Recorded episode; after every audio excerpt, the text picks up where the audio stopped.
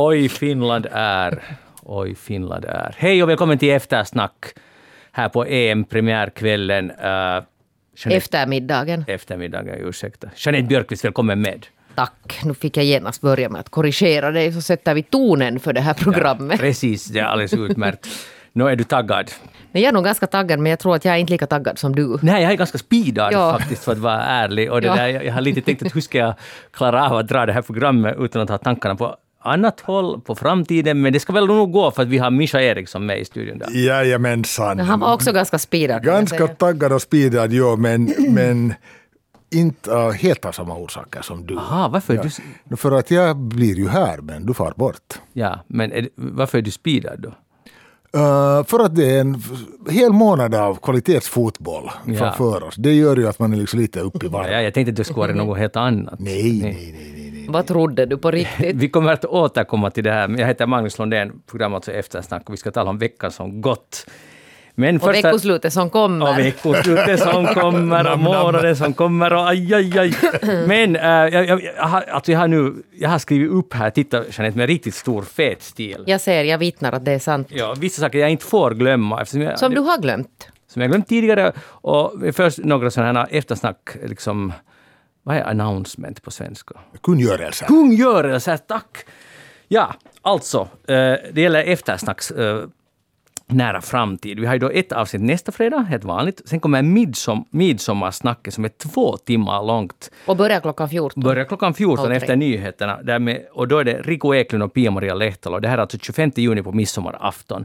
Två timmar klassiskt midsommarsnack. Så välkommen med i det. Och sen blir det lite paus. Men ingen fara för att 16 juli blir det nattsnack på folkets begäran och vår egen begäran klockan 22 efter nyheterna ända till 02 och det ska bli något riktigt speciellt den här gången, vågar jag påstå. Det där, och som sagt, nästa vecka är det vanligt eftersnack, så vi hörs ännu då. Nu till, uh, vi hade i, när Eftersnack fyllde 15 år så hade vi en sån här... I höstas? I höstas. Det, det har gått ett halvt år, men det, vi har varit, har, det varit mycket, har varit mycket stoj. Uh, men i alla fall, då uh, hade vi en liten eftersnack-quiz. Och då skröt vi med, eller lockade med att de som får fulla poäng ska få ett litet pris. Och nu har det efterlysts på Facebook att nå, vem var det som vann? Att skulle vi vänligen kunna informera? Helt berättigad kritik. Och här kommer nu namnen. Och det var 12 av 12 poäng. Man måste få 12, det var 12 kluriga frågor, man måste få 12 svar och endast sex personer klarade. Jag tror att Mischa till exempel inte fick 12. Fibba igen, ja. ja. Fibba igen, det var... Jag tror att alltså, flera sidekickar fibba. Ja, det här visar vilken nivå det är på våra lyssnare. Men ingen fibbar så lite som jag. här. Äh, här tänkte jag nu säga namnen. Thomas Lindén. Uh. Maria Hörlin. Martin Alskog. Susanna Söderholm. Ilona Engblom och Charlotta Buchert. Grattis! Grat, alltså fantastiskt! Och, och, inte bara grattis, utan vi är så imponerande och nästan, eller inte nästan, utan vi är rörda. Alltså tänk att det finns sex personer som är bättre än vi som själva är med. Mm. Så det, det, och ni kommer att få vår hemliga sponsor en liten presang. Och vi ska närmare via eftersnack få våra adresser. Och jag hoppas att det inte tar ett halvt år till för att fixa det. Var det här, är, det här, är nu äran återbörd till de här som Jag tycker inte att du var riktigt tillräckligt ödmjuk i den Ah. här att du borde ha liksom lite medgett mera att du var jättesen med det här. Men nu handlar det inte om Magnus, nu handlar det om våra sex Men det har du eftersnackvetare. Just det. Det har Ja. du rätt i. Ja, Grattis och jag är- jättebra jobbat. Även om jag inte låter ödmjuk så är jag ödmjuk. det, det, det. Hej, eh, vad är motsatsen till acceleration? Deceleration. Inte enligt mina källor. Okej. Retardation. Ja, det också. Det duger. Ja, det duger också. Det duger. För det är lite konstigt det här, vi tar en liten coronaparentes, att nu är vi liksom på något sätt här i Nyland i accelerationsfasen, men vi är ju liksom egentligen på väg ner fasen. Förstår ni? Mm. Den där ordet är tänkt ur ett negativt perspektiv, att allt bara blir värre. Men nu är vi liksom i samma, så att säga, gaffel, men vi är på väg ner. Så det borde heta då till exempel re retardationsfasen. Ja. Mischa, skulle du godkänna som rektor? Jag skulle absolut godkänna som rektor, ja. ja jag, menar, och det, allt handlar i sista slutligen också om hur du, hur du kommunicerar, eller hur? Mm. Vad, du, jag menar, vad innehållet i den här, det här budet är lika mycket som hur du väljer att presentera det. Är glaset halvfullt eller är det halvtomt? Nå, Hur är det nu med corona? Är det halvfullt eller halvtomt? Men det är ju nog halvtomt alltså enligt den här vokabulären. Men det, men, det är, men det är samma grej för att nu liksom tala om de här, de här ordvalen. Det är samma sak. Är det ett test som säger att du inte har corona, är det positivt eller negativt? Och det är lite samma sak. Eller hur? Ja, Men då har vi vant oss att negativt är en positiv sak. ja exakt. Ja. Ja. Ja. så då måste man alltid fråga hur var det med testet, var det positivt på ett dåligt sätt? Och så vidare. Tänk att min dotter sa precis i morse när vi var på en parkfrukostpicknick med en vän så sa hon Tänk mamma att det enda liksom sammanhanget där, där negativt är bra så det är när man tar tester. Ja. Alltså sådana medicinska tester. Hon är lika klok som Misha. Ja. Och det är mycket sagt. Ja. Eller, Jag skulle säga tvärtom, jag är tack och lov nästan lika klok som ja. min dotter. Hej, skulle du kunna säga att din dotter är klokare än Misha? Om du helt skulle måste liksom... Så här, vi, Man kan inte jämföra nu en vuxen och en nio, snart tioåring. nej men nu ser du väl vissa, alla minns vi Misha som nioåring. Nej, jag minns tyvärr inte. Inte heller, det. men- jag är inte men- riktigt säker på ens hur gammal jag var då, men inte så gammal att jag skulle kunna minnas. Men det där, jag vet, alltså Mischa var säkert jätteklok också när han var nio, det är jag på något sätt helt säker Synnerligen på. lillgammal, det kan jag lova Var du? Ja. Ja. Hurdan, berätta, hurdan var du? Nå, jag läste mycket och uttryckte mig väldigt i bokskrift när jag pratade Bra. naturligtvis.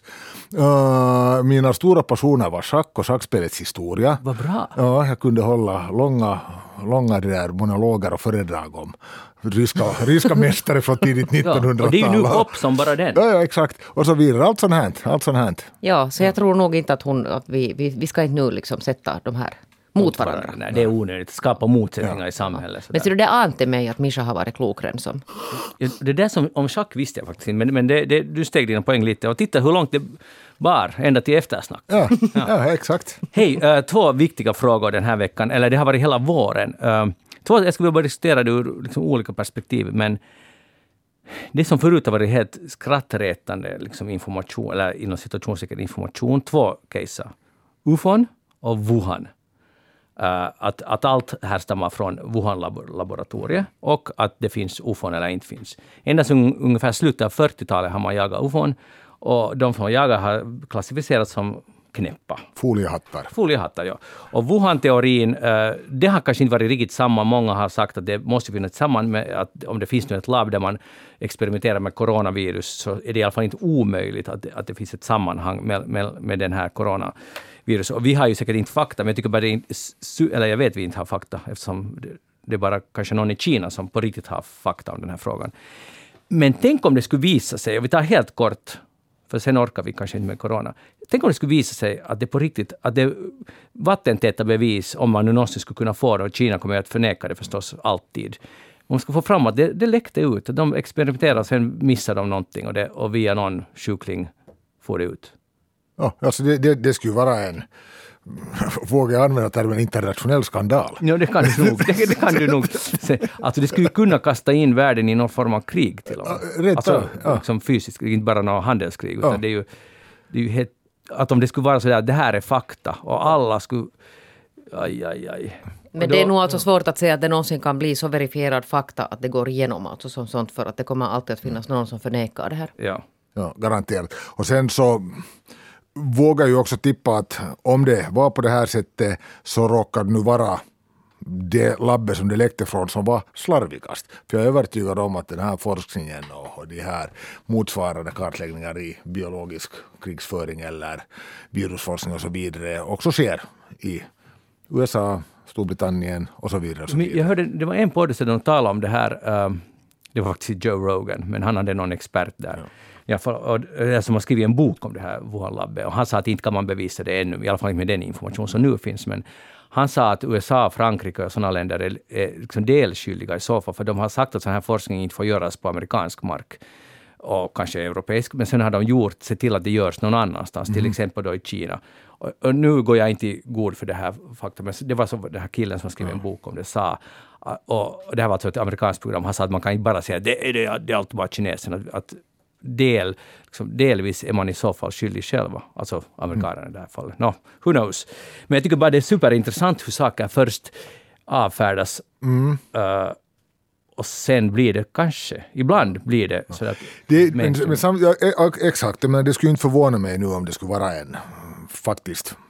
Eller förvå, inte förvåna mig, det låter som att jag liksom står och vippar där mitt emellan, men, men det där konstigare saker har ju hänt, eller hur? Mm. Jag menar, nu skulle du kunna rimma med en hel del av, av det var man kan förvänta sig att det pysslas med under täcket.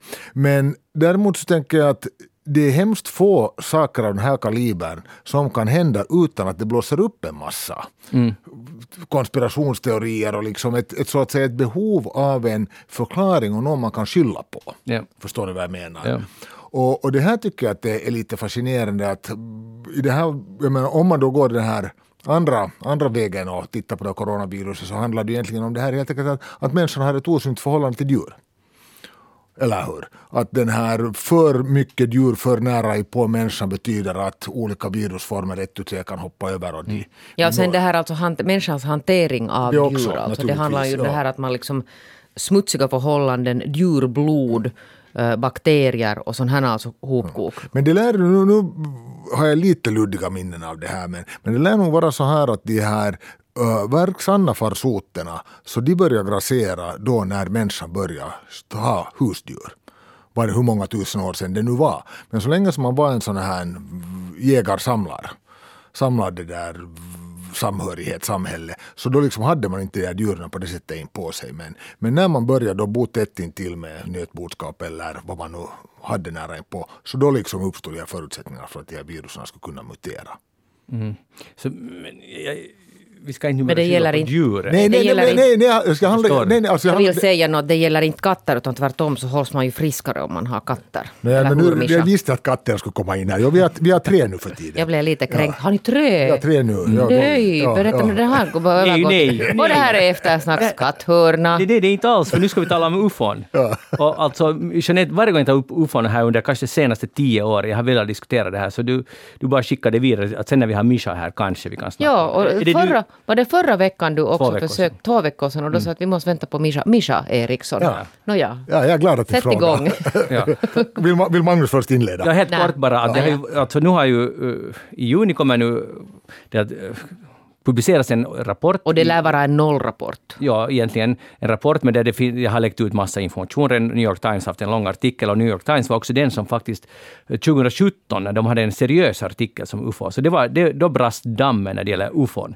För då blev det plötsligt, "Hey, New York Times skriver seriöst om UFOs. Och det var där det började, så här modern tid. Och, och det är absolut en vattendelare. Men, men nu den här rapporten som, kommer, som ska presenteras för kongressen i USA, så det har läckt ut att de talar om 120 incidenter över typ 20 år, eller två decennier, och, och, som de inte kan förklara. Men de, de säger att det, det, de kan inte utesluta att det är en UFO, eller, eller en UFO, eller, eller att det, det är möjligtvis militärteknologi från Kina. Ja. Men nu, nu måste vi först få våra termer.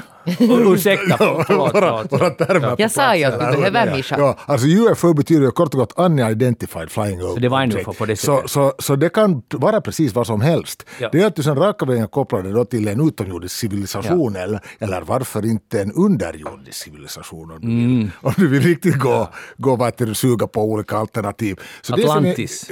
till exempel, ja precis. Ja, eller Det skulle vara ganska coolt. det ska vara ganska ett, tu, tre, så i Marianagraven stiger det upp. Men äh, så länge som man inte har identifierat det så det är ett UFO.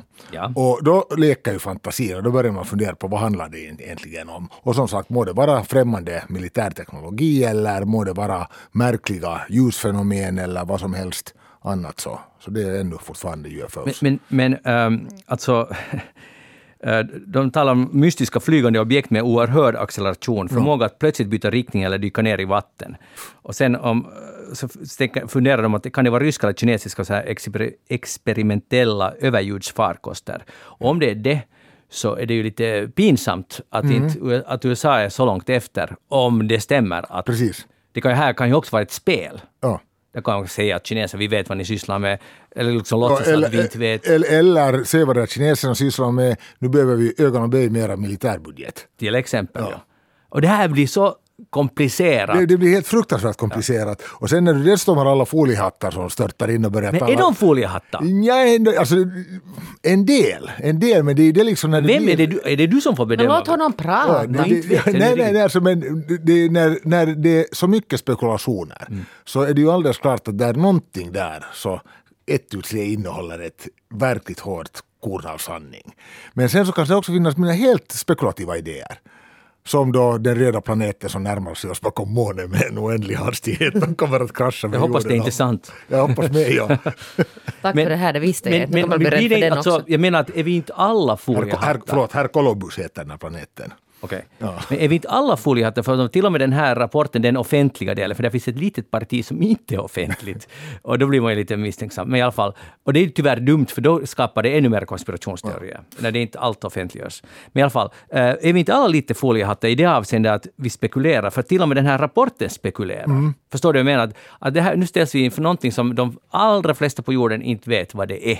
Och då blir vi ju lite foliehattar. Ja, ja, ja, då när man då, jag menar det var väl det här som kommer ihåg Rumsfeld back in the days. Den här USAs uh, utrikesminister eller försvarsminister. Försvarsminister. Precis, ja, när han trasslade in sig att, att det finns också sådana okända okända som inte vi har någon Ah. koll på överhuvudtaget. Unknown unknowns. Ännu värre. och det är just på, det, det, det, är på den planhalvan vi är nu. Okej. Ja. Men, Men hur du väntar du på den här rapporten du då? Ja, absolut. absolut. Jag menar, det, säg mig den som inte vill få svar på det som uppfattas som olösta gåtor. Som, Jag alltså kan säga att du kommer inte att få något svar tyvärr. vi- vilket, vilket samtidigt också bara kittlar den här fascinationen och nyfikenheten. Men ska vi vara lite foliehatt nu här i eftersnack och, och säga vad vi tror? Obs, tror, för vi vet ju inte. Tror om jag, jag tycker jag börjar med Jeanette nu. Tror om vad? Att finns det alltså okända, okända, alltså ufon som är alltså från utomjordiska och inte från, Atlantis det duger också om de kommer därifrån. Men något, alltså andra varelser än människan som styr dem. Och då talar jag inte om kinesiska och ryska utan alltså vi heter Alltså utanför jorden, icke-mänskligt. utomjordiska så Ja, att säga. Tack. Det där... Alltså nu är det ju alltså på något sätt intressant tanke att tänka att det kan inte bara finnas en enda civilisation. Att det kan inte vara så att det finns bara en. Det är din åsikt. Det är Så alltså... det, du bekräftar alltså att det, att det här att det finns utomjordiska varelser Nej, som har besökt vet, jorden? nej, men alltså inte vet man men alltså på något sätt känns det inte konstigt det här att, Nej. att, att mänskligheten skulle vara ensamma. Alltså, eller vårt liksom, system, inte vet jag. Mischa? Jag vill tro. Jag vill, Vill tro, alltså, jag, vill, jag vill tro. Jag tänker så här. eh, Det finns, jag tror att den heter Fermi-paradoxen. Vad är det för? Fermi-paradoxen som handlar, eh, är det nu tidsres, ja det handlar väl om tidsresor. Att om vi då spekulerar att det skulle kunna existera tidsresor. Så i något skede Fermi det var en italiensk, italiensk fysiker på, levde på 20-30-talet eller var aktiv då. Och den fråga som man en gång ställde vid ett lunchbord när man, när man talar om tidsresor. Som på något sätt körde hela den diskussionen i väggen. Att var är alla från framtiden? Om det någon vacker dag kommer att bli möjligt med tidsresor. Varför är de inte, inte, inte ner här och pratar med oss? Att det här Men Usain Bolt, många sa att han var från framtiden. Ja, ja alldeles riktigt. Att Ja. inte kan man vara så där bra. Nej, exakt rätt ut, så var det. Det bara att ligga lågt. Men lite samma grej också med det här de utomjordingarna. Var är de då? Och det finns så fruktansvärt många. Varför hör vi inte av dem? Men då tänker jag så här att här börjar vi höra av dem. Och det här går att observera. Det här går hand i hand också med att vår uh, civilisation är så avancerad att det kanske börjar vara av intresse för utomjordingarna. Ja, ja. Och, det, och, och, och allt, allt, det här, allt det här sammanfaller ju med uh, att vi började skicka ut radiosignaler för ungefär de senaste hundra åren. Och vi skickade ena LPn också. Det gjorde vi. Allt ja. möjligt har vi skickat Ja, men det, var, men det, det där guld-LPn, ja, men det var, den har inte kommit så långt ifrån oss. Okej. Ja, men de där radiosignalerna och tv-signalerna, så de har sittat ute i hundra år i, i, i, det där, i rymden. Ja, att vi har Så- plockat på märkt. Så, de, är- så då har de märkt, där, där har de uppnått följande steg i sin civilisation och teknologi. Men vad tror du Magnus? Alltså jag, jag, tror, jag är lite tråkig. Alltså jag, ska vi säga så här, jag har trott ända fram till helt för en månad sedan, så jag bara tänkt att det, det är helt enkelt det är struntprat. Att det finns, för just av den där samma, de, vi skulle se om det skulle ha hänt något, och varför skulle det ske just nu? Alltså, förstår ni att, om vi tänker hur länge människan har levt, och, och vad jag vet har det inte funnits utomjordingar på jorden tidigare, ingen har rapporterat om att de har, någon har rapporterat. Här måste jag snabbt säga Okej. det, nu, nu, nu, nu bränner jag iväg med glimten i ögat. Okej. Men Deniken på 70-talet, han hävdade att Bibeln är ingenting annat än en rapport av utomjordingarnas besök här för 2-3 tusen år sedan. Ja, Ja. okej. No, men, och, och, du, och du är sen, eh, vad heter det, på tal om foliehatt-diskussion. Men, men alltså, så, jag- nej, jag tror inte, men sen, sen började jag tänka nu, jag har sett för mycket skiffy-filmer, men, men ni vet det här att man är från framtiden, så börjar man märka, börjar man fundera, alltså vi tänker nog att vi lever i framtiden, att när börjar allt gå åt fanders riktigt ordentligt? Jo, det var 2020, 2021. Vi får dit och rättar till det. Och, och, så här, och så jag har sett en del sådana här serier och det är jättefascinerande. Och så skiter sig förstås allt för att man kan inte fixa det på det sättet. Vad jag har hört. Men, men att, så, så, det där, så det är det enda som skulle få mig att tänka, då, då har jag blivit lite så här att det skulle kunna vara en förklaring. Men det må, jag, jag skulle nästan säga att om man är lite rationell, och det är tråkigt att vara rationell på ett sätt, men det måste ju vara något militärteknologiskt. Alltså, det är bara Ja, men nu talar du alltså uttryckligen om det här. Ja. Jag menar, om man tänker liksom att, den här, att, att man liksom placerar den här alltså civilisationen eller liksom livsformen eller whatever som någon som inte har försökt ens ha alltså kontakt, som inte alltså har besökt jorden, förstår du? Att det finns liksom någonstans där. någonstans parallellt här. Jo, det skulle jag kunna tro. Ja, och det är det jag menar. Jag tror inte att någon liksom besöker jorden. Det tror jag alltså verkligen inte. Jag, må, jag, jag måste ju nästan vara övertygad om med tanke på liksom de enorma mängder galaxer med enorma mängder stjärnor och planeter i att det, det skulle vara en alldeles osannolikt härlig slump att vi är de enda. Ja. Men som sagt, jag, jag vågar ju också påstå att det finns sant- någon väldigt, väldigt tråkig förklaring till de här. Just de här, ja. ja. precis, ja, som finns här. Men jag vill tro. Ja, ja. Ah, Men kan vi, om vi ska hitta en gemensam nämnare mellan oss tre, så skulle jag... köra- Jeanettes skola. Mhm. Jag, jag, jag är redo att skriva under den. Att det finns där ute, men inte de här är inte ett tecken på det. Nå, Men är de här ännu? Är de bara så bra på att dölja sig? Men kanske de inte... Ah, du tänker så! Unknown, verkligen unknown. Un, unknown, un, ah, just det, vi är helt enkelt för simpla för att vi ser inte dem. Uh. Kanske det är de katterna ser om vi kommer tillbaka till den här katten. Alltså, för jag ville fortsätta spinna på den här Spinna kattråden. på kattråden. Spinna på. Hej. Det var bra, bra, jättebra. Jag vill tala lite om zon, på tal om katter. Det har Om- inte något med zoo att göra, men djurparker. Nåja. Jag läste en sån opinionsartikel i... Ja, det var faktiskt också i New York Times. Och, och jag har nu läst den här artikeln två gånger. Det är en lång artikel om, om zon, hur det funkar. Och nu är jag är ganska kritisk nu till djurparker. Det har vi, vi haft det kanske för fem år sedan i eftersnack någon gång och vi mumlade lite om det och så där. Men när man läser artikeln så det är bland annat, bland annat då att eh, uh, no, vilken business det är och så har de försökt undersöka varför går en människa på besöka ett zoo. Och då är orsaken som man vill tro på att det ska, vi ska lära oss om djur och, och vi ska det där och då, man visar upp en giraff för att, för att en ny generation ska bli jättemåna om att skydda giraffer och, och, och naturskydd överhuvudtaget. Man ska bli mer medveten om. Nu har de liksom i smyg avlyssnat zoobesökare. Vad talar de om? Vad berättar föräldrar till sina barn? Och det, och det finns liksom egentligen det finns inget belägg för och så har de gjort undersökningar. att Vad tyckte du före, vad tyckte du efter om djur? Om de, här djur. Och de flesta gör det för underhållning. Alltså det är inte jag som säger det här, utan den här undersökningen som säger det här. Att, att det finns liksom, det finns inte, det ökar inte medveten, medvetenhet, medvetenheten. Och så har de det som eh, uh, 700 miljoner människor besöker ett zoo varje år. Och fortfarande så biodiversiteten rasar och djur, det finns djur, många djur som är utrotningshotade och så vidare. Och, och sen, så Ja, det, som bara finns på zoo. Ja, no, det- där är sen motargumentet att, att på zoo kan man liksom skydda djur och sen plantera ut dem i naturen, liksom förstärka stammen. Och det har faktiskt skett ett par gånger. Han listar några, att det, det har skett och det är helt ett stort plus. Men att, det där, men att det är underhållning som är den huvudsaken. En familjeunderhållning, så går man och tittar på lite djur. Och, och sen, det här som jag inte kände till, att många djurparker använder Prozac på djuren. Och, det där, och andra lugnande medel. De räknar upp en massa olika saker vad de ger. Och det är också exempel på, på det var någon orangutang eller någonting som var så aggressiv, så gav de jättemycket Prozac tills den var, gick med på att para sig med mannen som fanns i samma bur. Annars ville hon slåss, men sen fixade de det på det här sättet, för de behövde mera ungar. Sen finns det det där i Los Angeles har man gett uh, Celexa som är ett antidepressivt medel.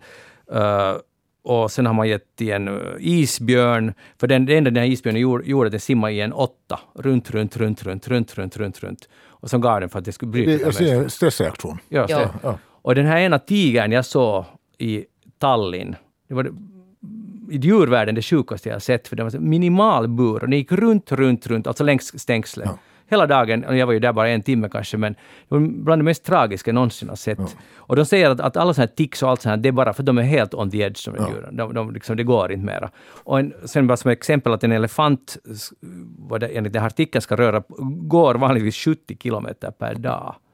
Och så har han en bur som var det nu kan vara 20 meter gånger 15. Okej, eh, diskussion. Ja, det var ju automatiskt kommer att tänka på det är ju om det nu sen hjälper, men går man på Högholmen till exempel och tittar på det gamla björnslottet som finns där, så det är ju ingenting annat än ett hål i marken. Så om det nu har räknat så har det blivit bättre. Men, men visst är det ju nedslående, nedslående information det där. Uh, cirkus har ju för länge sedan förlorat det här Ja. dragplåstret eller ingen är mer intresserad av att se någon som kastar strömming åt ett sjölejon som klappar med framlabbarna. Utan det, liksom, det, har, det har helt enkelt fallit bort och där finns det väl nog så vitt jag kan bedöma någon sån här syn på att det där är inte är ett djurvärdigt liv. Ja, men när jag var liten så fanns det ju elefanter på cirkus och det är ju förbjudet lyckligtvis. Alltså, att man inte får Det är ha- ju förbjudet här, men jag tror att till exempel Ryssland tror jag att det finns Ja, en- verkligen inte Ja. alltså där, men jag menar jag talar nu alltså om Finland till exempel. Att man har kommit, alltså att det har börjat förbjudas sådana djurarter Ja. som man helt enkelt inte kan ha i, i sådana omständigheter. Men det är ju, men till syvende och sist så handlar det här om det vad vi redan tangerat tidigare. En, ett, inte vet jag om jag ska använda termen komplicerat eller ett, eller ett lite splittrat eller trasigt förhållande till djuren som vi har. Men vi äter ju dem. Ja, absolut. Ja, det, vi går inte in nu på, på, Nej, på, på köttätare, men jag menar just precis det här att, att det uppfattas då liksom som någonting som är till för vårt nöjes skull. Och jag menar det här djurparkerna är en, en, en, ett exempel. Uh, cirkusarna som tack och lov nu liksom lite börjar minska på det här. Jag tror inte det var mer för en 20 år sedan där på Balkanhalvön så fanns det krogbjörnar. Det var liksom fanns krogar fastkedjade utan, förlåt, björnar fastkedjade utanför krogar som då liksom var såna här dragplåster. Och det var en himla process som sen gick igenom för att återställa det här. Men vet du vad, alltså för typ tre år sedan i min K-butik Ja. så stod det en ren utanför fastkedjad, alltså stod där under juletid. Just så. Så barnen oj nu är det jul, här är en Ja. ren som har släpats från Lappland. Det är ju helt sjukt. Ja, exakt. Ja. Ja, ja sånt hänt. Ja. Men uh, Jeanette, Jag tror att du har, alltså det är säkert, alltså delvis är det det här, det här men, men det är lite liksom det här med att, att man har alltså djurparker eller, eller ett zoo för sitt eget nöjes skull. Men, men jag tycker inte att vi ska dra liksom med den svarta penseln för att det är klart att där finns alltså förstås också bland dem en, en vilja att bevara till exempel liksom generna, att det liksom på något sätt liksom finns kvar den här arten att, att, att inte det är så att alla nöje, vad heter det, djurparker drivs av någon sån här affärsmässiga underhållning. Fast det säkert alltså förstås finns den aspekten. Och sen är det ju liksom lite vilket land. Men sen att är det sen den rätta vägen att gå eller hur borde det göras? Och är det så att man egentligen inte borde ha sådana här det finns ju olika slags djurparker. De kan vara uppbyggda alltså på olika sätt. Kolmården. Kolmården är helt annat än, än till exempel Högholmen. än Högholmen. Helt annorlunda. Men det där, det är ju fortfarande förstås, de har ju bara mycket mer rum att, att röra på sig. Eller är det till exempel naturreservaten, alltså här skyddade, alltså stora, alltså verkliga, alltså där de på riktigt kan vara i sina, sina alltså de här, nu talar vi tigrar, elefanter, den artens liksom djur, kan vara i sina För rätta miljö. sin rätta miljö om man talar alltså om det här, om man faktiskt drivs av det som man liksom jättegärna motiverar djurgård, djurparker med, att bevara alltså mångfalden. men, men de visar här på hur, hur, hur liten del som de egentligen använder till det här bevara mångfald, alltså av sina intäkter. Eller om, Men det där är omsättning. USA. Det här, det här var USA och Europa. Men, men, men det är klart att, att det finns många, jag är säker på att många som är engagerade på, i djurparker och många som driver dem är goda människor och, och vill djuren bästa. Det egentligen handlar det om, om allmänhetens inställning. Så har vi den här rätten att gå och titta på ett djur i bur? Alltså absolut, det är, det är komplicerat ur det perspektivet. Som du säger, jag är också övertygad om att, att Högholmen, Kolmården, Serengeti, vad som helst, så där är ju, där är ju sant, sant det där, sanna djurvänner som, som kör dem. Och om vi då, jag menar, det, det här måste finansieras på något sätt också. Och då liksom blir det liksom lite den här, om inte nu avigsidan, men liksom den här dit tvingade delen av slanten att, att man då också öppnar upp det för allmänheten att, att bekanta sig med de här djuren. Och om det då är för underhållning eller om de tanken är här att de då ska lära, lära sig att uppskatta de här djuren bättre men det inte riktigt lyckas. Så det, det kanske kommer då på andra hand för effekten är ändå det här att man har möjlighet att upprätthålla dem. Förstår ni vad jag menar? Nej. Mm. Men där är nog alltså det där, det är klart att det här är alltså jättesvåra frågor för att, för att vi är på något sätt så indoktrinerade i det här, det här tanken att, att, att det är klart att det ska finnas djurgårdar för att visst ska vi ju kunna gå och titta på djur. Men Och- vad, och jag inte menar- vet jag vi har någon rätt att gå och Nej titta men förstår på du, ett lejon. men alltså så här tänker säkert många. ja. Jag förstår att du tänker på ett annat sätt. Ja. Men det är liksom, att, att det är liksom en så stark del på något sätt av, av vårt liv. Men jag menar, så tänkte man ju också om delfinarier. Mm. Och, och, nu har man ju nog börjat komma till insikt, tror jag, på ganska många håll att de är helt alltså Förkastliga. Förkastliga. Alltså det, det är helt enkelt alltså det, det är hemskt. Ja. Ja. Men, det, men, men, det, men det, det, det där är alldeles sant Nette. Och då tänker jag kanske på det här sättet också att problemet är ju inte det här att de här djurparkerna, eller problemet är att, att man måste skapa de här djurparkerna för att bevara dem. Eller hur? Att, jo, om det är liksom det som är drivkraften ja. så går det nog att göra alltså på, på annat sätt. Skall gå, ja. ja. Mm. Nåja, intressant fråga. Diskutera gärna vidare i ert hem eller Facebook på facebook.com eftersnack och diskussionen Men alltså det, det, måste vi komma ja. ihåg att, att fakta är att det finns alltså arter som inte skulle existera mera utan ja, det stämmer. de här. Så är det. Och, men då tycker man man måste kunna ha det som huvudverksamhet. Det skulle vara ganska coolt. Och då till exempel alltså det där faktiskt alltså anpassat, att då går det på djurets villkor. Mm. Mm. Jeanette Björkqvist, vad har du tänkt på den här veckan? no, jag blev att tänka på den där som vi talade om förra veckan, den här 80 timmars arbetsdagen. Det var den här Huawei-chefen Ö, arbetsveckan, förlåt, vad sa jag? Arbetsdagen. Ah, ja, no, det skulle också kunna vara förstås. Det ska vara ännu bättre. Det blir nog tajt men ja. Jag hade mejlat åt honom att, att det där, ta, ta det lite längre. Ja. Men det där som vi talade om, jag tror att det var ganska ny den där nyheten då i, i Finland. Han hade alltså i Kauppalehti och sen hade Helsingin Sanomat plockat upp den och så blev det liksom stora rubriker överallt att det där, nu föreslår Huawei-chefen att vi ska börja göra sådana 80 timmars veckor. Och sen efter det, uh, ja 80 timmars veckor. Och efter det alltså under veckan som gick så har ju den här diskussionen alltså faktiskt det där tagit fart ganska mycket i Finland. Människor blev ju faktiskt sen på riktigt ganska upprörda. Mm. Och det där med all orsak faktiskt. Jag tror att vi var lite sådär, vi hade lite, vi damp kanske ner i den här idén och vi mm. utvecklade inte det här riktigt alltså på det sättet förra veckan. Men nu har det där finska YLE gjort en helt förträfflig alltså analys av det här där de går igenom att varför blev så många så upprörda? För många blev alltså jätteupprörda på det här förslaget. Han var ju dessutom alltså ganska hårt och kritiserade Sanna Marin också för att, för att det där, hon på något sätt inte understöder det här. Men det där, för att hon säger att, att vi har nu kommit liksom vidare vet ni från den här, den här förr i världen jättestenhårda alltså finländska arbetsmoralen där det på mm. något sätt var sådär att du är ingenting värt om inte du sliter och det där stretar och liksom gör rätt för dig på hälsans bekostnad.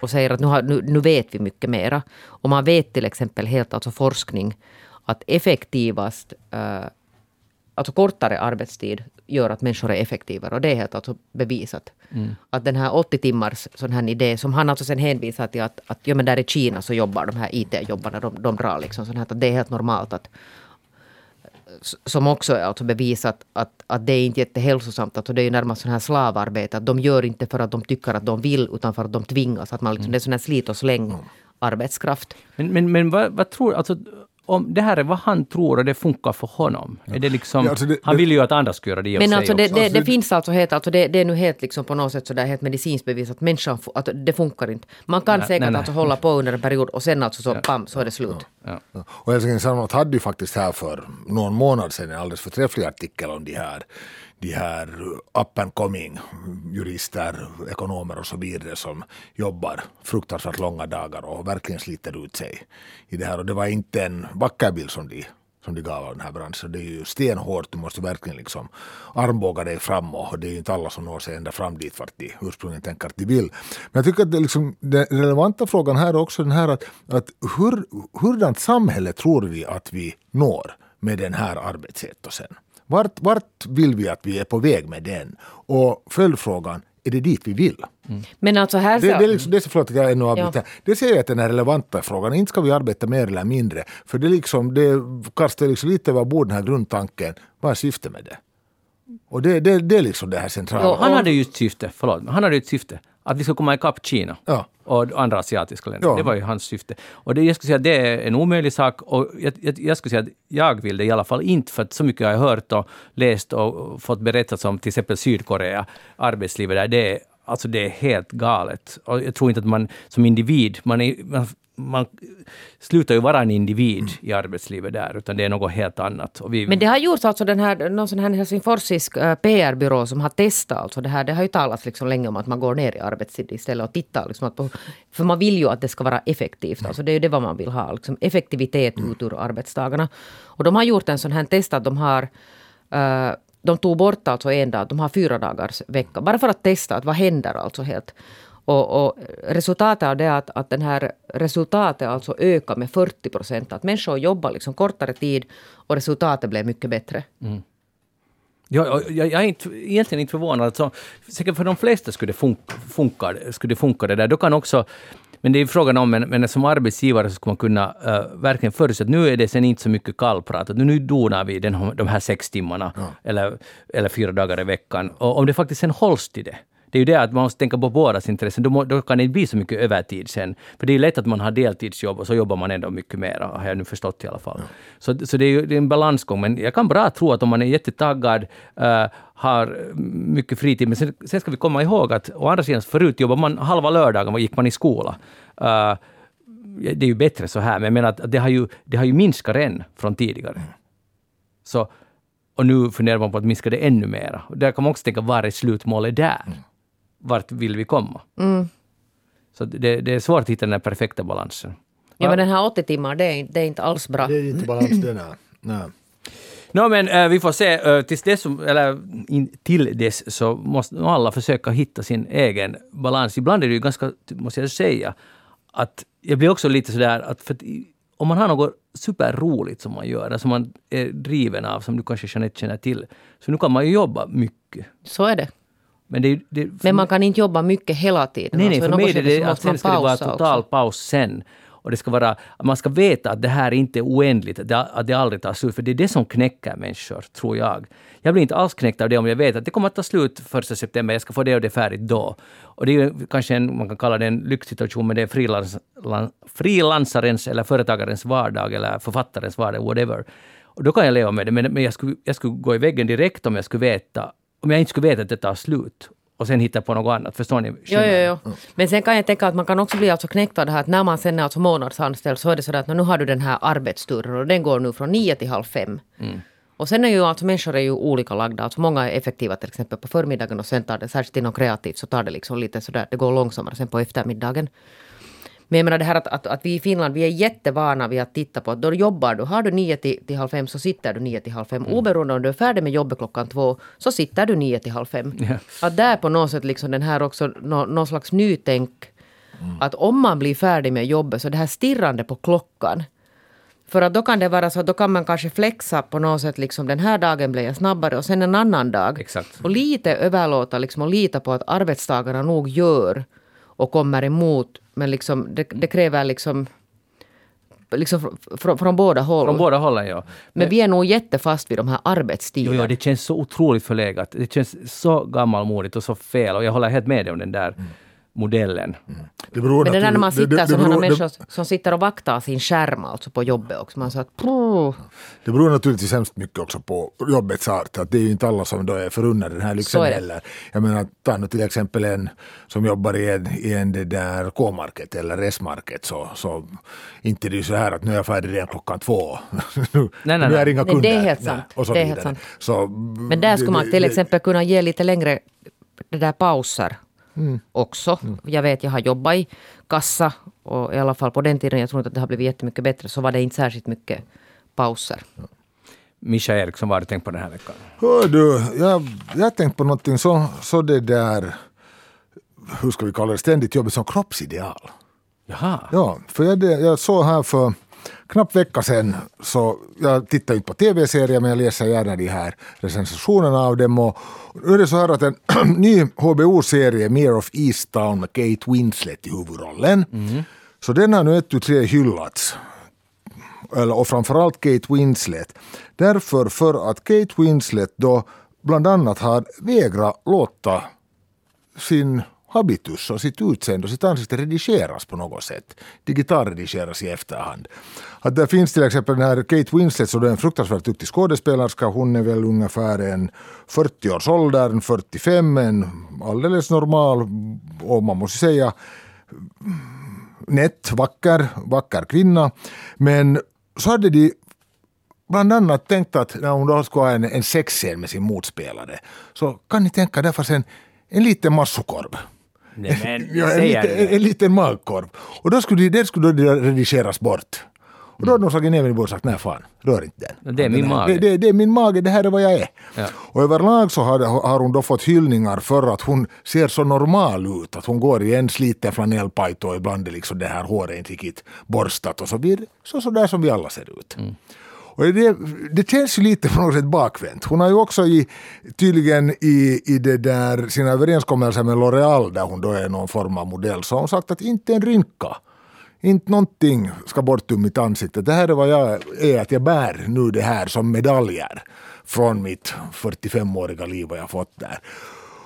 Och jag kommer att tänka samtidigt också på den här Nicole Kidman-filmen som kom för en tre, fyra år sedan, Destroyer, där hon också spelar en polis som var lite, lite, lite sliten. Och också, det, det, det var det talet som var så modigt, att hon vågar visa upp sig så som hon är och så vidare. Och den där så var en fullständigt vanlig, vanlig där kvinna. Som Ja men så är det ju att det där, de har ju inte sett vanliga ut alltså på år och dagar. Det fanns ju den här Jenny Pääskysaari som, som är finska, alltså hon är sån här programvärd. Så hon, hon gick ju ut sen i något skede, jag tror att hon har den här Hyvät ja huonot uutiset tror jag den heter. Och sa att hon vägrar bli tv-sminkad. Att hon vill vara alltså sån som hon är. Och inte hela tiden liksom. Och jag tror att det där är jättebra den här, alltså det, det är flera alltså amerikanska kvinnor. För att man ser ju inte normalt åldrande. Det syns alltså ingenstans. Eller har inte synts alltså på många år. Att de som sen är något 80 år, så de ser inte ut alltså som en vanlig 80-åring. Och, och 50-åringar ser inte ut som vanliga. För det är just det här retuscherat, fixat eller sen opererat också. Att man på något sätt måste operera sig. Du ska se ut som något... inte normalt Nej, och, så att, så att, och, och, jag menar, det blir ju en helt förvriden bild att, att om du är 50 så borde du se ut som 30 eller yngre. Men- som har liksom blivit förfalskad under jättelång tid. Men tror ni inte att det är lite som zon? Att är vi inte lite, alltså man måste fråga sig, vi som betraktare, Mm. är inte det vi som är så att säga skyldiga? Är- Eller i alla fall tror de som gör filmen att det är det som folket vill ha. Korven ska bort från magen, annars tycker vi att Eller liksom de här som någon hade, alltså den här celluliter som är liksom jättenormalt och det, det syns ju ingenstans. Du ser ju ingen alltså med normal hud. Nej. Men alltså, menar, är, det, är det så att när vi vill, det är någon sorts eskapism när vi ser på film och då ska allt vara så där. Vi vill att det ska se ut så där. De är liksom inte riktiga människor, de här Det, filmstjärnorna. det, det, det är naturligtvis inte ett nytt fenomen. Jag råkar faktiskt av helt andra orsaker häromdagen titta på en snutt ur en gammal Tarzan-film. När Maureen och Sullivan ligger där vid stranden. Liksom, det perfekt, perfekta håret ligger på stranden med små orkidéer utsedda kring Oj. håret. Och- Det låter och jättebra. Det är just, det är just så här som det är när du är i djungeln. Ja. Ja, ja. Helt, helt, helt. Senast när jag var där med Ja, Tarzan exakt. Ja, ja. Ja. Men, men uh, nu tappar jag. Nu tappar Nej, att- Jag hoppas ja, att men- det här... ja, ja, precis. Alltså det, det som är liksom, alltså det är ju en, en jag, jag tror inte att det är ett nytt fenomen och det är alldeles klart att det här är liksom en självförstärkande spiral. Det vill säga publiken tror att det är så här det ska vara och förväntar sig det och då ger också, må det då vara tidningar eller tv eller film, ger det här åt dem i sin tur tillbaka. Men det var jag liksom blev också fundera på att det var ju, jag, menar, jag vill inte kalla det modigt av Kate Winslet det här, utan det var helt Men bara faktum- vanligt sunt förnuft att he- låt den där förbaskade korven vara där. Och då är liksom följdfrågan, vad kan den här gemene vardagskillen och tjejen också göra för att säga att brock på det här. Att, att när jag tar min instabild så får det vara liksom... Det har varit alltså, det har ju varit alltså kommit många sådana här, alltså just till exempel på Insta, alltså sådana här som har, som har sådana här Insta-stjärnor. Ja. Som sen plötsligt har tröttnat på det här, för det är otroligt alltså det där eh, tungt att hålla på hela tiden och försöka vara någonting som du inte... Så det har ju varit en stor sån här ström där man liksom plötsligt visar sådär att Ja. hej by the way, vet ni vad? Att det är inte alls så här det ser ut. Och så visar de alltså den här riktiga. Ja. Och, och det här är ju nog något, det här kan inte jag komma ihåg att det skulle ha förekommit i den här alltså omfattningen. Just att Hollywoodstjärnor till exempel gör det. Sådana här alltså stora på något sätt personligheter. Äldre kvinnor särskilt som är så att hej det får räcka nu. Att, att vi kan inte hålla på liksom och, och ljuga hela tiden. Så, så jag tror ju nog att det är någonting på gång här. Mm, Det är mycket möjligt, ja. Samma som reklamfirmor har börjat ta in, alltså inte alla, verkligen inte alla. Men, men vissa till exempel sådana här duschtvåls och shampooproducenter som plötsligt bara bestämde sig att hej, att nu börjar vi ta liksom in kvinnor som ser helt normala ut. Alltså normala kroppar. Och sen är de ju inte, alltså jag menar, de är ju ändå jättebra. Vardagliga. Men liksom ändå ja, sådär, ja, liksom ja. någonting som, som alla vanliga kvinnor kan identifiera sig med kroppsformer till exempel. Och det som jag ännu raskt för att nu ännu lyfta in det andra könet här, så jag, vilket jag faktiskt tycker att det är synnerligen fräscht och underhållande, det där Kalsa-reklamen. Ah, den där danska! Ja. de är ljuvliga. Jo, jag Ja. älskar dem. Men, men eh, det går därför det handlar om män. Ja. Det, det är liksom, Så, jag tror nog att det finns någon form av, ska vi kalla det mörkertal eller liknande också, liksom vilka de här signalerna som skickas till män är. ja. Att jag är stolt över mina magkorvar men, men nu är det Jo, det, det har ju många. helt ändrats de Ja. senaste 20 åren, Ja. totalt. Ja. Uh, men hej, en sak, du, du kan inte använda ord som brocka här i eftersnack, för det, det yngre generationen de har ingen aning vad du det talar så om. illa? Ja. kan du berätta vad det betyder? Brocka, det är när du försöker slippa billigt undan eller skippa någonting i armén, då brockar du. Ja, men jag Då brockar tjänst. Men min son som gick där, han, han sa att ingen använder det här ordet mer. Är det sant? Jag, jag frågade honom. Jag trodde att arméslangen var tidlös. det, det är just det, det trodde jag också. Och då har jag börjat fundera, när försvann det? Ja. Vilken eh, kontinent var det? Nu använder vi inte mer ordet brocka. Ja, Men exakt. kan ni ja. ha en egen sändning om det? ja, det, det är bra Jeanette, det ska vi göra. Tack. Men, men det, ur askan i elden, för nu ska vi tala om fotboll. Ja! Hej. Först helt snabbt, alltså det är ju fotbolls-EM. Om 12 minuter så sticker jag iväg. Och det Och vi, där... vi har väntat ett år för länge på ja, det. har, Men det han ska han ha hurraresa, alla som har Ja, lyssnat alltså, vet. har- tåg, jag- färja, tåg, tåg. färja, tåg, eh, tåg. Och sen får vi till Lund. Vi blir faktiskt över natten. Vi, vi ändrar lite plan för det. Jag orkar inte det var tekniska. Så hos en bekant som bor i Lund, så där blir vi en natt. Sen tar vi nattåget Det är en fin Stockholm. stad.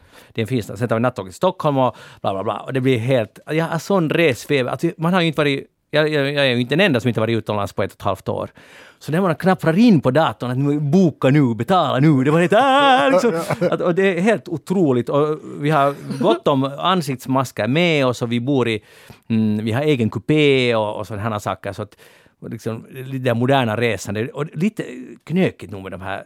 Sen Malmö central, där finns tydligen Tänk att du ska få vara på Malmö central. och där finns Nordens, vad de gör reklam för, Nordens effektivaste coronatestcentral på Centralen. För att alla vill ju pendla. Det går ju tåg var 20 minut till Köpenhamn.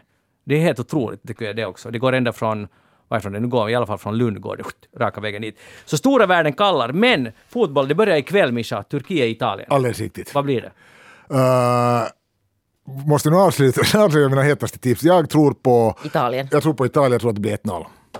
Ja, Det var ju någon annan, var det Tror du eller, 1-0? Det var lite fegt. Ja, eller var det ja. svenska Yle som tippade samma sak? Ja, no, i och för sig så Italien hackade var det Tjeckien 4-0 här, här i Jonso. Jag säger 2-0 till Italien. Så, så det kan nog hända att det är lite målrikare. Mm. Men, Men de är ju taggade, de inleder förstår du. Då har de ju liksom Ja, jättehårt. men de vill ju inte spela ut hela paletten, den ska man spara sen till de viktigaste Ja, matcherna och när man i kommer de kan bra komma vidare som trea. Alltså, Mm. jag menar, det är inte, första matchen är inte så avgörande, bara man inte förlorar. Mhm. Men man vill ju börja snyggt. Men jag gissar på en jämnt spel, för att jag har nu lärt mig, bara genom att jag har läst, jag har köpt eh, fyra olika EM-bilagor, plus då läst Yle och Husis. Och jag kommit fram till att Turkiet är en svart häst, och det är jättesvårt att göra mål på Turkiet, eller vinna mot Turkiet. Därför 1-0. Nej, därför 0-0 eller 1-1. Vi får se. Det, det är intressant för Italien, som jag har inte tyckt så mycket om som fotbollsland tidigare, så nu spelar de tydligen mycket gladare och, och helt annan attityd. Catenaccio var väl 90-talets fenomen. Men hej, du ska ju alltså då faktiskt se Finlands första match imorgon. Oj, det Suomi är on, det ska jag. mot Danmark. Ja. Det är stort. Det är jag jätte... Första EM-matchen någonsin, eller Ja. en stor Jag är lite avis. Och Det ska du vara. Ja, jag, jag, du mycket, jag är mycket avis. Ja, bra. Jag är helt sjukt avis. Är du Jeanette avundsjuk? Jag är jätteavis. Du skulle ju, det här var ju meningen att det här skulle ju hända förra året. Mm. Och sen blev det corona. Och tänk att nu, nu händer det. Och ni fick alltså, det var ju inte sen så att det var självklart att den som hade biljett fick det. Och ni fick alltså utlottat och fick era biljetter. Dubbel jag är. Magnus så glad för dig och dina pojkars skull. Det blir spännande. Eh, det blir eh, den matchen. Har, alltså, ser ni ett Finland som kan rå på Danmark? Ja. Alltså, jag ser det. Jag ser det som bäst, ja. De har ju varit lite rultiga här nu de här senaste matcherna. Det här Vem har varit ruttiga?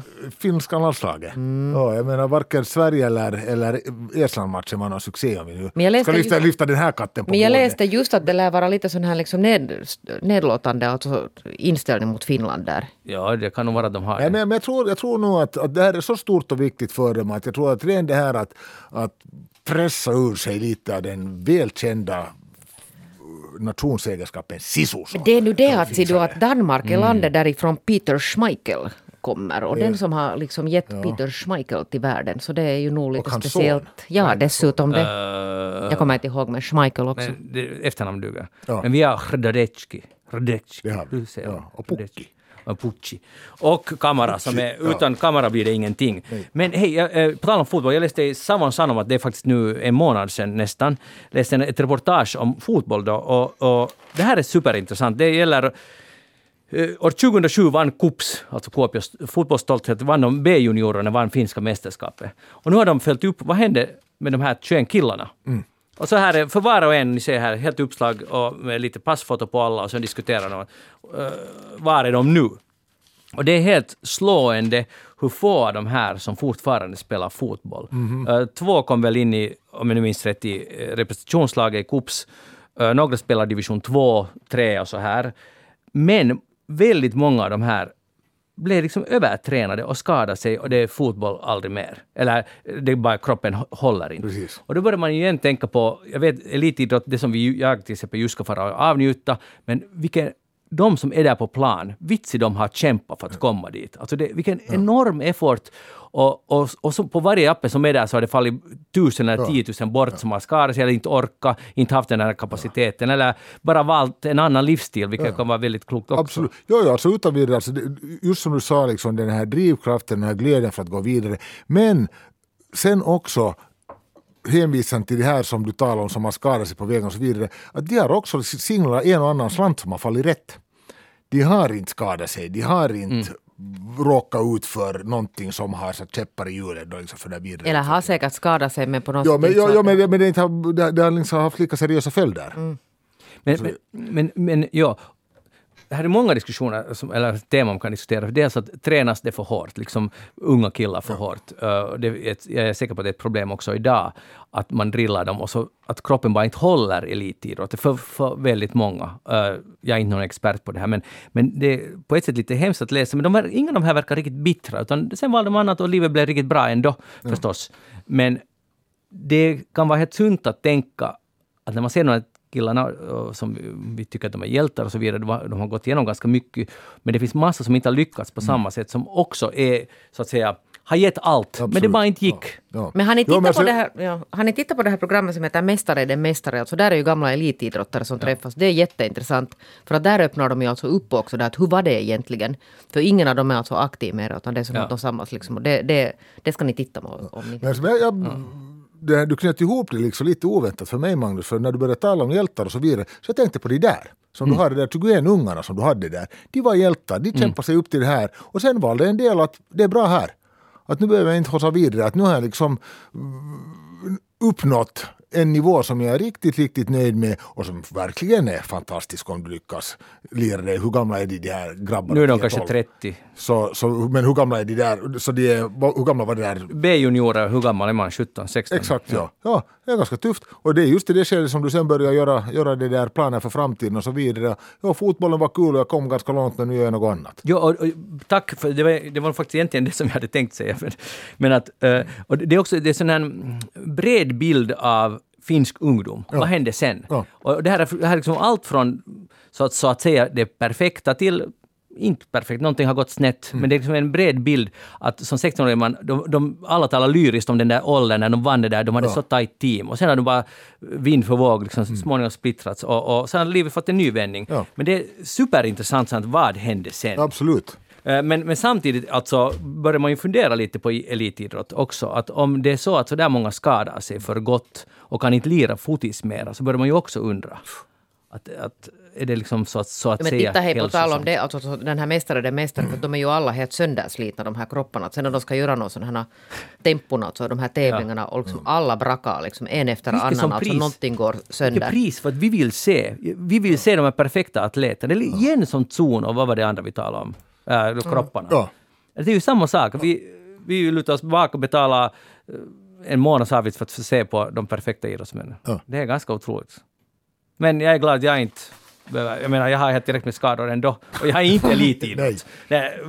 Fast man skulle tro det. Men, men uh, no, jo. Uh, hej, uh, hur har du med Jeanette? Du brukar ju tala om det där med sömn, att det är inte alltid... Nej, jag vet. Voi, voi, nu läste jag just igen vad det någon sa att man kan dö. Det var, någon, det var, ju, Ja, det var exakt ja. idag, alltså någon kvällstidning. Massa sådana här larmrapporter där om Ja, vad som händer. Man får det bli nya. sjuk och liksom vad allt det var. Det, var, det är hemskt, det är jättedåligt. Det, det, det, det är ju gamla, gamla nyheter. Jo, jag vet, men alltså jag var så att vitsen det här, ja, men det här gör ju, men då blir det ju genast lättare att sova. Ja, det här visste jag ju inte. Ah, ah, just det, att, att, man dör. Okej, men jag går tidigare och sover då. Ja. Men nu kommer jag ännu Jag mer. sover lite längre på morgonen. Nu kommer jag ännu mera. Ja. För att eh, det, det finns ny forskning vid University of Colorado i Boulder som säger att det enda du egentligen det enda du behöver göra är att somna en timme tidigare. Och, du, och du, då går allt mycket bättre i livet. Ja, men ser du, nu är det så att jag är en kvälls Nej. och morgonmänniska. En Boulder-gängen säger att det, det är struntprat, Ja. du undviker, du blir mindre irriterad. Du, Nej, men det vet ju alla. Ja, men att det är Jeanette, klart du- att man blir Du liksom... ser forskarna det. Och, och eftersnack. Och vet du, massa människor har sagt det här före. Alltså det, det här med irriterad, det handlar ju alltså om det att man ska sova tillräckligt länge, annars blir man ju liksom på dåligt Nej, humör. man ska, nej, nej, just det att om man sover, låt oss säga, jag vet inte hur mycket du sover, men du sover två och en halv timme, eller okej, vad sover du? Sex, Lite längre kanske. sex timmar. Nå, kanske fem, sex. Ja, du skulle just flytta den där sex timmar en timme Det tidigare. där är nu helt bara strunt. Och nu är det vet du så att min, alltså, mitt, jag är alltså en sån person att jag behöver alltså lägga mig sent och vakna tidigt. Det är helt Okej. enkelt så som det är. Jag, jag ger upp. Det här är, Jag, jag, alltså jag tar inte heller emot det där överhuvudtaget. Det där är ju liksom någon sån här tegelstensmur som hon dras bygger upp framför sig för att, inte, för att kunna försvara det här att fortsätta med sitt ohälsosamma Det var någon som sa att, att kanske jag skulle kunna dricka lite mindre kaffe. Ja, Men Mischa, tror du på det här, gå en timme tidigare? absolut, absolut. Sova lika länge. Men inte man somnar då. Nu, st- Alltså, du, du, du kan verkligen träna upp dina sömnvanor. Och jag, och jag, nej, nu, får- nu får du inte avbryta. Jag är ett levande exempel på det här. Jag har i 30 år målmedvetet gått in för att kunna ta tupplurar och var som helst nu stänger jag ögonen och sover i 10 minuter. Om jag vill. Good fort- for you. Ja, och sen när jag... Jag har förstått sen- att det är åldersrelaterat, det Nej, nej, nej, nej, nej. Redan, redan jag var 25 år gammal. Tycker om tupplurar. Hej, oj jag, nu tycker jag avbryta er, och men en god nyhet. Det är inte någon spermiekris i världen. Bra. Att det här, nu forskarna säger det antagligen är det därför det är så svårt att mäta antal spermier. Det var allt bara bluff. Ja, det här är, jag tycker vi slutar on a positive note. Finland vinner Danmark. Jeanette Björkqvist sover så som hon vill själv och bygger upp sin mur. Mischa Eriksson, tack för, så jättemycket för att du var här. Risto Salonpää var tekniker idag. Tack till honom. Jag heter Magnus Lundén. Eftersnack är tillbaka genom en vecka. E-posta oss på eftersnacksnabelayle.fi eller gå in på facebook.com snedstreck eftersnack. Ah, vi har väntat länge. Ha det trevligt Magnus. Ja. Vi Ja, ses bon nästa voyage. vecka. Ge några goda råd åt mig ännu till sist. Ha roligt. Ja, ha roligt med mina söner. Hej då, vi hörs igen. Oj.